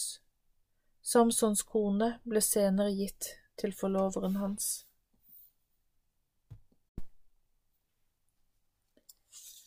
Dommernes bok 15 Samson beseirer filisterne Etter noen dager ville Samson besøke kona si. Han hadde med seg et kje til hennes families hus. Han sa til faren hennes, La meg gå på rommet til kona mi. Men faren hennes ville ikke slippe ham inn. Han sa, Virkelig, jeg trodde du bare hatet henne, derfor ga jeg henne til forloveren din. Er ikke lillesøsteren hennes vakrere enn henne, ta henne i stedet. Samson sa til dem, Nå har jeg rett til å ta dere, filistere. Så gikk Samson av sted og fanget 300 rever. Han bandt revene sammen, hale mot hale, og satte en fakkel mellom hvert par med haler. Da han hadde tent faklene, slapp han revene ut i kornåkrene til filisterne. Både det kornet som vokste og det som var samlet sammen, brant opp. Det gjorde også vingårdene og olivenplantasjene. Da spurte filisterne, Hvem har gjort dette? De fikk til svar, Dette har Samson, Timnittenes svigersønn, gjort fordi kona hans ble gitt til forloveren. Da satte filisterne fyr både på henne og faren hennes. Da sa Samson til dem, Siden dere kunne gjøre noe slikt som dette, skal jeg sannelig ta hevn over dere. Samson drepte mange av dem, så dro han ned og bodde i kløften med klippen i Etam. Filisterne dro opp og slo leir i Juda, og de spredte seg utover mot Leki. Mennene fra Juda spurte, Hvorfor har dere kommet hit? Da svarte de, Vi har kommet for å ta Samson til fange og for å gjøre det samme med han som han gjorde med oss. Da dro 3000 menn fra Juda ned til kløften i klippen ved Etam, der Samson var. De sa til ham, Vet du ikke at filisterne hersker over oss? Hva er det du har gjort mot oss? Han sa til dem, Som de gjorde mot meg, slik har jeg gjort mot dem. Men de sa, Vi har kommet ned hit for å ta deg til fange, så vi kan overgi deg til filisterne. Da sa Samson til, dere, til dem, Sverg for meg at dere selv ikke skal drepe meg. Så sa de, nei, vi skal bare binde deg godt og overgi deg til dem. Vi har slett ikke tenkt å drepe deg. De bandt ham med to nye rep og førte ham opp fra klippen. Da han nådde fram til Leki, kom filisterne skrikende mot ham. Da kom Herrens ånd mektig over ham. Han ble fylt med en styrke som gjorde at drepene rundt armene hans røk rett av. Det løsnet fra hendene hans. Han fant et friskt kjevebein fra et esel, rakte ut hånden, grep det og slo i hjel tusen menn med det. Da sa Samson, med kjevebeinet fra et esel har jeg slått i hjel tusen mann, haug på haug. Da han hadde sagt dette, kastet han kjevebeinet fra seg, og etter dette kalte de stedet for Ramat Leki, som betyr kjevebeinshøyden. Samson var blitt så brennende tørst, derfor ropte han til Herren og sa, Jeg er din tjener, du har latt meg vinne en stor seier, skal jeg nå dø av tørst og falle i hendene på fienden? Da kløvde Gud gjettegryten i Leki, og det kom vann ut fra den og han drakk. Da kom kreftene tilbake i både kropp og sjel. Han kalte derfor kilden En-Hakore, som betyr kilden til den som roper. Den er i leke den dag i dag. Samson var dommer i Israel i, i Israel i 20 år, mens landet lå under filisterne. Dommernes bok 16 Samson og Dalila Samson dro til Gaza. Der fikk han se en prostituert og gikk inn til henne. Ryktene gikk i Gaza. Samson er kommet hit. Da omringet de stedet og lå i bakhold og ventet på ham ved byporten hele natten. De var stille hele natten, for de hadde planene klare. Ved morgengry skal vi drepe ham. Samson ble liggende til midnatt. Da sto han opp, grep tak i dørene i byporten og de to portstolpene. Han rykket dem opp sammen med bommen og la alt sammen på skuldrene sine og bar det opp til toppen av åsen som vender mot Hebron. Etter dette ble Samson forelsket i en kvinne i, i Sorekdalen. Hun het Dalila. Lederne for filistene kom opp til henne og sa, Lokk ut av ham hvor den store styrken hans kommer fra, og hvordan vi kan få makt over ham, så vi kan ta ham til fange. Gjør du dette, skal hver av oss gi deg elleve kilo sølv. Så sa Dalila til Simson, fortell meg hvorfor du er så sterk, og hvordan du kan overvinnes. Samson sa til henne, hvis de binder meg med sju friske senestrenger som ennå ikke er tørket, da blir jeg svak og blir som et hvilket som helst annet menneske. Da kom lederne for filisterne til henne med sju nye senestrenger som ennå ikke var tørket, og hun bandt ham med dem. Det var noen som lå på lur og ventet i rommet. Da hun sa, Filisterne er over deg, Samson. Da rev han av senestrengene så lett som ingenting. Derfor ble det ikke kjent hva som var hemmeligheten bak styrken hans. Dalila sa til Samson, Se, du har holdt meg for narr og fortalt meg løgner. Jeg ber deg, fortell meg hvordan du kan bindes. Så sa han til henne, Hvis de binder meg skikkelig fast med nye rep som aldri har vært brukt til noe annet, da blir jeg svak og er som et hvilket som helst annet menneske. Derfor tok Dalila nye rep og bandt ham med dem. Så sa hun til ham, Filisterne er over deg, Samson. Også denne gangen var det noen som lå på lur i rommet, men han rev også disse repene av seg som ingenting. Dalila sa da til Samson, Hittil har du holdt meg for, bare holdt meg for narr og fortalt meg løgner. Fortell meg hvordan du kan bindes. Han sa til henne, Det skjer hvis du vever de sju hårlokkene på hodet mitt inn i renningen på veven. Da vevde hun dem stramt sammen, festet veven med pluggen og sa til ham, Filisterne er over deg, Samson, men han våknet av søvnen og dro både pluggen og renningen ut av veven. Da sa hun til ham, Hvordan kan du si at du elsker meg når du ikke stoler på meg? Disse tre gangene har du holdt meg for narr, og du har ikke fortalt meg hvor den store styrken din ligger. Etter at hun hver dag hadde mast på ham og lagt press på ham, ble han veldig lei seg. Riktig deprimert ble han. Derfor åpnet han hjertet sitt helt for henne. Han sa til henne, Aldri har jeg latt hodet mitt bli barbert. Håret mitt er et uttrykk for at jeg er Guds utvalgte. Hvis håret mitt blir borte, vil jeg miste styrken min. Da blir jeg svak, som et hvilket som helst annet menneske. Da Dalila forsto at han hadde fortalt sin innerste hemmelighet, sendte hun bud på lederne for filisterne. Hun sa, nå kan dere komme, for nå vet jeg hemmeligheten hans. Så kom lederne for filisterne opp til henne med pengene i hendene. Så fikk hun Samson til å sovne på fanget sitt. Hun kalte til seg en mann og fikk ham til å klippe av de sju flettene på hodet hans, og han mistet den uvanlige styrken som han hadde hatt. Da hun nå sa Filisteren er over deg, Samson, våknet han av søvnen. Han trodde det skulle gå som de andre gangene, for han forsto ikke at Herren ikke var lenger var med ham. Han klarte ikke å riste seg løs. Så grep filisterne ham. De stakk ut øynene hans og førte ham ned til Gaza. De bandt ham med lenker av bronse, og han ble satt til å male korn i fengselet. Men håret hans begynte å vokse ut igjen. Samson dør med filistere, Lederne for filistene samlet seg nå for å ofre et stort slakteoffer til guden sin Dagon og for å glede seg.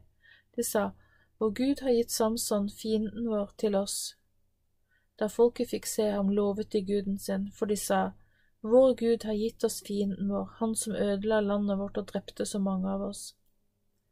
Mens de festet og var glade, var det noen som sa, Send bud på Samson så han kan underholde oss. Så sendte de bud på Samson fra fengselet, og han underholdt dem. De stilte ham opp mellom søylene. Da sa Samson til gutten som holdt ham i hånden, La meg få stå for meg selv og få kjenne på søylene som dette tempelet til guden deres hviler på. Da kan jeg støtte meg til dem. Tempelet var fullt av menn og kvinner, og alle lederne for filistene var der. Omkring 3000 menn og kvinner var på taket og så på mens Samson underholdt dem. Da ropte Samson til Herren og sa, Herre, Gud, jeg ber deg, husk på meg, styrk meg, jeg ber deg, bare denne ene gangen. Å Gud, la meg kunne hevne meg på filisterne med ett slag for at de tok de to øynene mine. Samson rev tak i, to, i de to midterste søylene som tempelet hvilte på. Den ene holdt han med høyre arm og den andre med venstre. Så sa han, La meg dø sammen med filisterne og så bøyde han seg framover av all kraft, og huset falt ned over lederen og alt folket som var i det. På denne måten drepte Samson flere filistre da han døde, enn dem han hadde drept mens han levde. Brødrene og hele familien til faren hans kom ned og hentet den døde kroppen hans. De tok han med seg tilbake og gravla ham mellom Sora og Eshtajol, i graven til faren hans, Manoah. Samson hadde da vært dommer i Israel i 20 år. Dommernes bok 17 Mikas avgudsdyrkelse I Efraims fjelland bodde det en mann som het Mika. Han sa til moren sin, De elleve kilo sølv som ble tatt fra deg, og som du skulle du til og med la en forbannelse over, så jeg hørte det er hos meg, jeg tok det. Og moren hans sa, Vær du bare velsignet av Herren min sønn. Da han hadde gitt de elleve kiloene med sølv tilbake til moren sin, sa hun, Dette sølvet gir jeg til Herren. Det har vært hos sønnen min, og jeg gir det til ham. Av det kan han lage et utskåret bilde og et støpt bilde. Hun sa til sønnen, Derfor gir jeg det tilbake til deg. Da han hadde gitt sølvet tilbake til moren sin, tok hun ett kilo av sølvet og ga det til gullsmeden. Han lagde det til et utskåret bilde og et støpt bilde. Mika fikk ha dem i huset sitt. Mika hadde et gudshus for avguder. Han lagde presteklær og husguder. Han innviet en sønn til å bli avgudsprest. På denne tiden var det ingen konge i Israel, det var lovløshet, og enhver gjorde slik de selv syntes var rett. Det var en ung mann fra Betlehem i Juda som tilhørte Judas slekt. Han var en levitt, og han bodde der som utlending. Han hadde forlatt Betlehem i Juda for å bosette seg der han kunne finne et sted. På reisen sin kom han til Efraimsfjellene og til Mikas hus. Mika sa til ham, Hvor kommer du fra? Da sa han til ham, Jeg er en levitt fra Betlehem i Juda, og jeg er på reise for å finne et sted å bosette meg. Mika sa til ham, Bo hos meg og vær far og prest for meg, så vil jeg gi deg ti gram sølv i året, foruten klær og mat.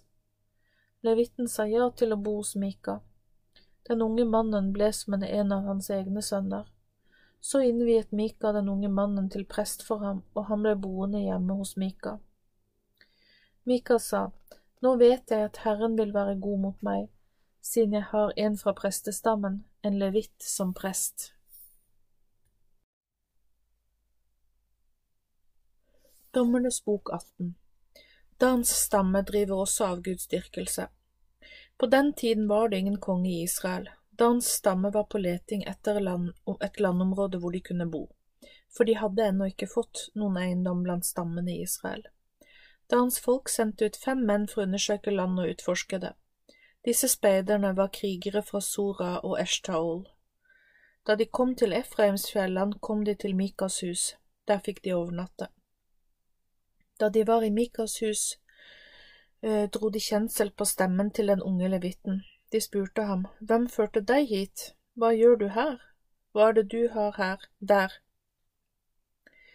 Da fortalte han hva Mika hadde gjort for ham. Han har leid meg, og jeg er blitt prest for ham.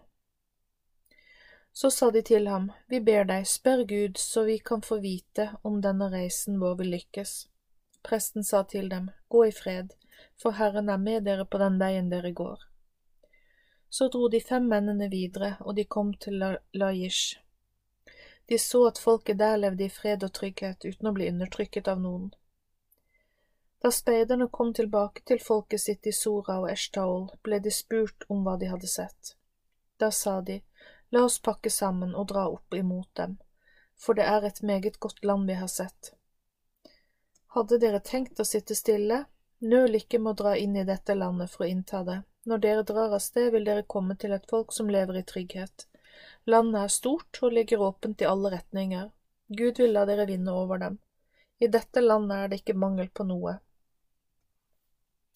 600 bevæpnede menn fra Dans stamme dro fra Sora og Eshtaol og slo leir i Kiryat Yarim i Juda.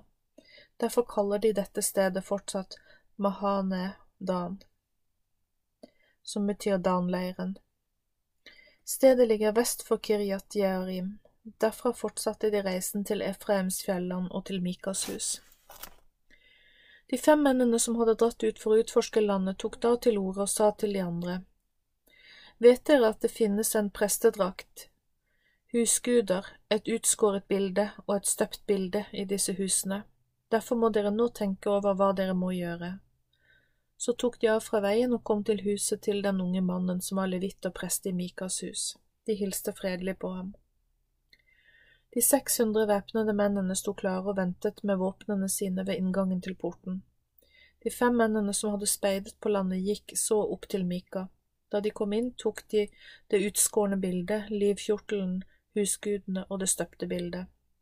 Presten sto ved inngangen til porten sammen med de 600 mennene som var væpnet med stridsvåpen. Da disse kom inn i Mikas hus og tok bildene, presteklærne og husgudene, sa presten til dem, Hva er det dere gjør? De sa til ham, Vær stille, bli med oss og vær far og prest for oss, er det bedre for deg å være prest i enmannshus enn å være prest for en hel stamme og slekt i Israel? Da ble presten glad, han tok presteklærne, husgudene og bildene og fant plassen sin blant, blant folket. Så snudde de, seg, snudde de og dro bort. Barna, husdyrene og eiendelene sine lot de bli fraktet foran seg. Da de hadde kommet et godt stykke fra Mikas hus, ble mennene i husene rundt Mikas hus kalt sammen. De oppsøkte dansfolk, og de ropte til dem. Da snudde disse seg og sa til Mika, Hva er det som går av deg, siden du har kalt disse sammen? Da svarte han, Dere har tatt med dere presten og gudene mine. Jeg har lagd dem. Hvis dere drar av sted med dem, hva har jeg igjen? Så spør dere meg, hva er det som går av deg? Dans folk sa til ham, Ti stille, så ingen blir sinte og overfaller dere. Da vil både du og familien din miste livet. Så dro de sin vei, for Mika så at de var for sterke for ham. Han snudde og dro tilbake til huset sitt da nittene slå seg ned i Lajish. De tok både det Mika hadde lagd og presten som hadde vært hos ham, og gikk mot Lajish. De ville angripe dette folket som levde i ro og trygghet. De angrep med sverdene sine og satte fyr på byen. Det var ingen som kunne hjelpe dem mot fienden, for byen var langt fra Sidon, og de hadde ikke noe med andre folk å gjøre. Byen var i dalen ved Bet Rehob. Dans slekt bygde byen opp igjen og bosatte seg der. De kalte byen Dan etter navnet på sin stamfar Dan. Han var en av Jakobs sønner. Det var den samme byen som tidligere het Lajish. Da satte Dans etterfølgere opp det utskårne bildet hos seg. Jonathan, sønn av Gershom, som igjen var sønn av Manasses sønn, og hans sønner var prester for Dans stamme fram til den dagen de ble bortført fra landet. Det utskårne bildet som Mika hadde lagd, satte de opp hos seg. Slik sto det så lenge Guds hus var i Kilo.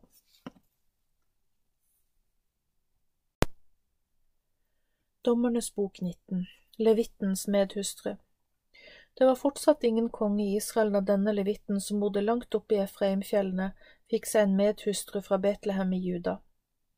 Men hun var utro mot ham og dro fra ham og hjem igjen til Betlehem i Juda. Der var hun i hele fire måneder. Da reiste mannen hennes etter henne for å tale kjærlig til henne, så han kunne få henne med tilbake.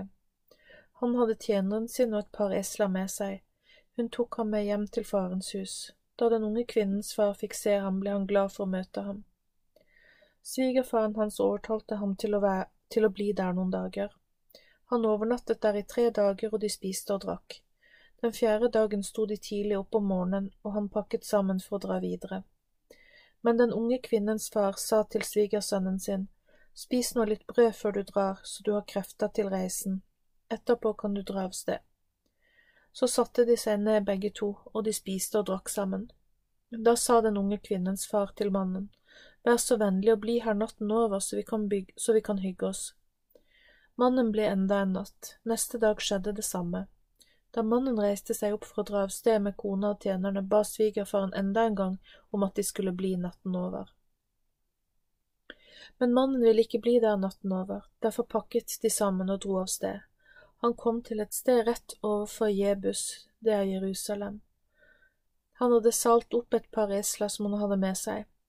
Kona hans var også med ham. Da sa tjeneren til sin herre, Kom, la oss dra inn i Jebus og overnatte der. Men mannen svarte, Vi vil ikke gå inn i en by der det bor folkeslag som ikke tilhører Israel. Vi drar videre til Gibea eller Rama. De dro bort, og solen gikk ned over dem like ved Gibea, byen som tilhører Benjamins stamme. Der dro de inn for å overnatte.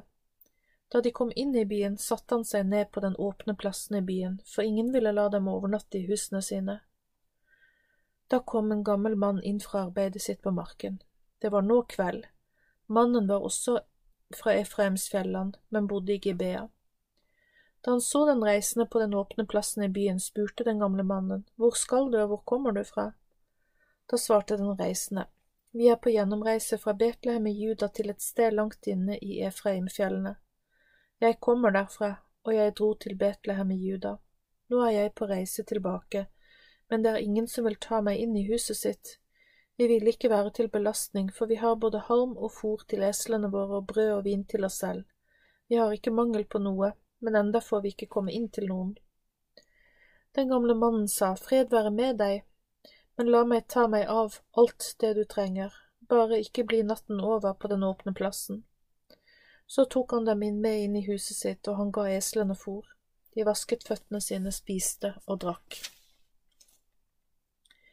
Gibeas forbrytelse Mens de hygget seg, ble huset plutselig omringet av noen onde menn fra byen. De banket på døren og sa til den gamle mannen i huset, Kom hit ut med mannen som kom til huset ditt, så vi kan få ha sex med ham. Men den eldre mannen svarte, Nei, mine brødre, jeg ber dere, gjør ikke noe så ondt. Denne mannen er gjest hos meg, ikke gjør noe så grusomt. Ta heller datteren min, hun er jomfru. Dere kan også ta mannens kone. La meg komme ut med dem. Dere kan gjøre med dem som dere vil, men dere må ikke gjøre noe slikt mot denne mannen. Men mennene ville ikke høre på ham, derfor tok han gjestens kone og førte henne utenfor til dem.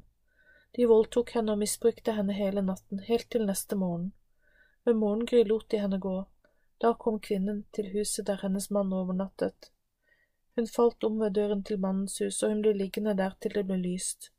Da mannen sto opp og åpnet døren for å dra videre, lå kona hans utenfor. Han sa til henne, Reis deg opp og la oss dra av sted. Men det kom ikke noe svar. Da løftet mannen den livløse kvinnen opp på eselet og dro hjem med henne. Da han kom inn i huset sitt, tok han en kniv og delte henne i tolv stykker, lem for lem, og sendte henne rundt omkring over hele Israels landområde med beskjeden, noe slikt har ingen gjort eller sett siden Israels folk kom fra Egypt. Legg merke til det, snakk om det og si hva dere mener. Dommernes bok 20 Israel fører krig mot benjamittene Alle soldatene blant Israels folk dro ut.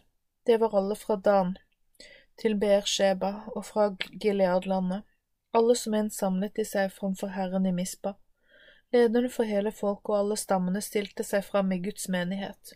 Det var 400 000 fotsoldater som kunne trekke sverdet. Benjamins slekt hørte at Israels folk hadde dratt opp til Mispa. Israelittene spurte, Si oss, hvordan kunne noe så forferdelig skje? Levitten, mannen til kvinnen som var drept, svarte, Kona mi og jeg kom inn i Gibea, som tilhører Benjamins stamme, for å overnatte der. Men mennene i Gibea ville ta meg, og om natten omringet de huset der jeg var. De hadde tenkt å drepe meg, men i stedet voldtok de kona mi slik at hun døde. Derfor delte jeg henne opp i stykker og sendte henne omkring til alle de landområdene der Israels folk har slått seg ned, for å vise at det de gjorde var en stor skam for hele Israel. Se, dere er alle av Israels folk, hva mener dere om dette? Da reiste hele folket seg alle som en og sa, Ingen av oss vil gå hjem til oss selv før dette har blitt gjort opp. La oss kaste lodd om hvem som skal dra opp mot Gibea. Vi vil ta ut ti menn for hver hundrede blant alle stammene i Israel. Det blir hundre for hver tusen og tusen for hver ti tusen. De skal sørge for å hevne Gibea i Benjamins stamme. De skal straffes for dette forferdelige de har gjort mot noen av Israels folk. Så slo alle mennene i Israel seg sammen mot byen. De sendte først noen menn gjennom hele Benjamins stamme og sa, Hva slags ondskap har funnet sted blant dere? Nå skal dere utlevere de mennene i Gibea som har gjort denne grusomme handlingen, så vi kan drepe dem og få renset dem ut av Israels folk. Men Benjamins stamme ville ikke høre på brødrene sine, israelittene. I stedet samlet Benjamins stamme mennene fra Gibea for å kjempe mot Israels folk. Samme dag samlet Benjamins folk soldater fra alle by byene. Det ble 26 000 menn som kunne slåss med sverd. I tillegg kom de som bodde i GBA. Derfra kom 700 utvalgte menn som var venstrehendte. Hver av dem kunne kaste stein med slynge uten å bomme. De av Israels folk som ikke var i Benjamins stamme, var til sammen 400 000 stridsmenn som kunne slåss med sverd. Så dro Israels folk opp til Guds hus for å spørre Gud om råd. De sa, Hvem av oss skal først kjempe mot Benjamins stamme? Herren svarte, La Judas stamme kjempe først.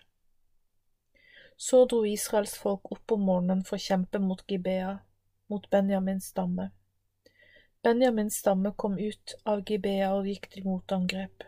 De skadet 22 000 av Israels menn på én dag. Hæren av Israels menn tok mot til seg og gikk på nytt til angrep dagen etter, men først hadde de grått resten av kvelden og vært i bønn til Herren og spurt ham om råd. Skal vi igjen rykke fram i kamp mot våre slektninger i Benjamins stamme? Herren svarte gå til kamp. For andre dag på rad rykket Israels folk ut igjen mot Benjamins stamme. Også denne gangen ble de møtt med motangrep på slagmarken. Hele 18 000 til av Israels folk ble tatt. Da dro hele Israels folk til Guds hus, og der gråt de. Der var de i bønn hele den dagen, de fastet til kvelden og bar fram offer som de brente for Herren. De bar også fram fredsoffer for Herrens ansikt. De samlet seg rundt kisten der Herrens bud til menneskene lå. Så spurte de Herren om råd. Pinas, sønn av Elasar, sønn av Aron, var prest i disse dager, Folket spurte igjen. Skal vi dra ut i kamp mot Benjamins stamme enda en gang, eller skal vi la det være? Herren svarte igjen, Dra opp, for i morgen skal jeg la dere vinne over dem. Så satte israelittene folk, israelittene folk ut noen som skulle ligge i bakhold. Den tredje dagen sluttet resten av israelittene seg til troppen og var klar til angrep mot Benjamins stamme. Benjamins krigere dro ut og bort fra byen for å møte sine motstandere. De begynte å slå ned og drepe, slik som de hadde gjort de andre gangene, både på landeveiene opp til Betel og Gibea-marken. De drepte omkring 30 israelitter. Benjamins folk var fornøyd og sa, vi slår dem nok denne gangen også. Men Israels folk sa, la oss flykte slik at vi kan få dem etter oss, derfor har vi dratt dem lengre bort fra byen og ut på landeveiene. Akkurat det skjedde. De av Israels menn som lå i bakhold, stormet da fram. Det ble en voldsom kamp da 10 000 utvalgte menn fra hele Israel kom rett imot Gibea. Men Benjamins folk visste ikke at dette skulle bli katastrofalt for dem. Herren slo benjamittene rett foran Israel. Denne dagen ble 25 100 kampklare benjamitter skadet. Da forsto benjamittene at de var slått, Bakholdet slo raskt til, og de slo hele byen med sverdene sine. Signalet som var avtalt mellom Israels folk og dem som lå i bakhold, var at de skulle la en stor røyksky stige opp fra byen. I begynnelsen hadde benjamittene drept 30 menn og trodd at de hadde overtaket. Da de så forfulgte israelittene ut av byen, kunne de ha snudd seg, for da ville de ha sett at en røyksky steg opp som en søyle fra byen, og at flammer fra byen slikket opp mot himmelen. Det var signalet israelittene i bakhold ventet på, for da gikk de til angrep. Benjamittene ble slått av skrekk, for de så at en ulykke hadde rammet dem. Derfor snudde de seg, snudde de rett foran Israels menn og la på flukt mot ødemarken, men de ble innhentet. Alle som kom ut fra byene ble tatt av israelittene. De jaget og omringet benjamittene og trampet dem ned hele veien til Gibea. Denne dagen falt 18 000 krigere. Så snudde resten av benjaminittene og flyktet ut i ødemarken, til klippen ved Rimmon. Langs landeveien, landeveiene drepte israelittene 5000 av dem, så forfulgte de dem helt til Gideon, og der drepte de enda 2000 av dem. Til sammen 25 000 krigere fra Benjamins stamme ble drept denne dagen. Men 600 menn snudde og flyktet mot ødemarken til klippen ved Rimmon. De holdt seg ved Rimmons klippe i fire måneder. Israels menn dro tilbake for å kjempe mot Benjamins stamme. De slo ned alle de kunne finne, både mennesker og dyr. De satte fyr på alle byene de kom over. Dommernes bok 21 Benjamins stamme reddes fra total utslettelse. Israels menn hadde sverget ved Mispa at ingen av dem skulle la datteren sin gifte seg med en av Benjamins stamme. Folket møtte opp i Guds hus, og de ble der i Guds nærvær helt til kvelden var omme. De løftet stemmene sine og gråt bittert. De sa, Herre, Israels Gud, hvorfor har dette skjedd? Det mangler jo nesten en hel stamme i Israel i dag. Morgenen etter sto folket tidlig opp og bygde et alter der de bar frem brennoffer og fredsoffer. Så sa Israels folk, Hvem er det blant alle Israels stammer som ikke ble med oss i Mispa da vi hadde en samling i Herrens nærvær? For de hadde alle avlagt et høytidelig løfte om at den som ikke kom opp til Herren i Misba, skulle sannelig dø. Israels folk hadde medlidenhet med Benjamins stamme. De sa, I dag er en stamme blitt hogget av, is, av fra Israels slektstre. Hva skal vi gjøre for å skaffe koner til dem som er igjen, så denne stammen ikke dør ut? Vi har jo lovet Herren at vi ikke skal gi dem døtrene våre til koner. Da de hadde kalt sammen forsamlingen, møtte ikke noen fra Jabesh i Gilead opp. De skulle straffes for at de ikke møtte opp. Da sendte menigheten tolv tusen av krigerne sine ut dit. Soldatene dro ut med denne befalingen, slå ned dem som bor i Jabesh i Gilead, menn, kvinner og barn. Blant dem som bodde i Jabesh i Gilead, fant soldatene 400 unge kvinner som var jomfruer. De hadde altså ikke ligget med noen mann. Disse ble ført til leiren i Shilo, som er i Kanans land. Så sendte hele menigheten bud til dem som hadde overlevd av Benjamins stamme, de som hadde søkt liv i klippene i Rimman. Israels folk sluttet fred med dem, til slutt ga de nå de kvinnene som de hadde reddet livet til, i Abesh i Gilead, men det var ikke mange nok for dem. Folket hadde medynk med, med med Benjamins stamme, for Herren hadde lagd et tomrom blant stammene i Israel ved å la denne stammen nesten slettes helt ut. Da sa menighetens ledere, hva skal vi gjøre for å skaffe koner til dem som er igjen, siden kvinnene i Benjamin slekt er utryddet? Det må være en mulighet, for Benjamins stamme har vel rett til å leve her på linje med oss andre. Men de kan ikke få koner fra våre stammer, det har vi jo lovet Herren. Så sa de, det er jo en årlig høytid for herrene Shilo som ligger nord for Betel mot Sikhem og sør for Lebona. Israels ledere sa til mennene fra Benjamins stamme, Legg dere i bakhold, vær på vakt. Når Shilos døtre kommer ut for å opptre med dansene sine, skal dere komme frem, og hver mann skal ta med seg en kone blant de unge kvinnene fra Shilo. Så skal dere dra tilbake til Benjamins land. Når fedrene eller brødrene deres kommer til oss for å klage, da skal vi si til dem, Vær vennlige med dem for vår skyld, for under krigen fikk vi ikke tak i en kone til hver av dem. Dere har ikke brutt løftet dere ga Herren om ikke å gi dem noen koner. De unge kvinnene har dere ikke gitt, de ble tatt. Ben, mennene fra Benjamins stamme gjorde det de hadde fått beskjed om. De tok så mange unge kvinner blant dem som danset, slik at de alle fikk en kone hver. De dro tilbake til den landjorden de hadde fått og bygde opp igjen byen og ble boende der, i dem. Israelittene dro også derfra, hver mann til sin stamme og sin slekt, hjem til eiendommen sin. På den tiden var det ingen konge i Israel. Alle gjorde det som var rett i egne øyne.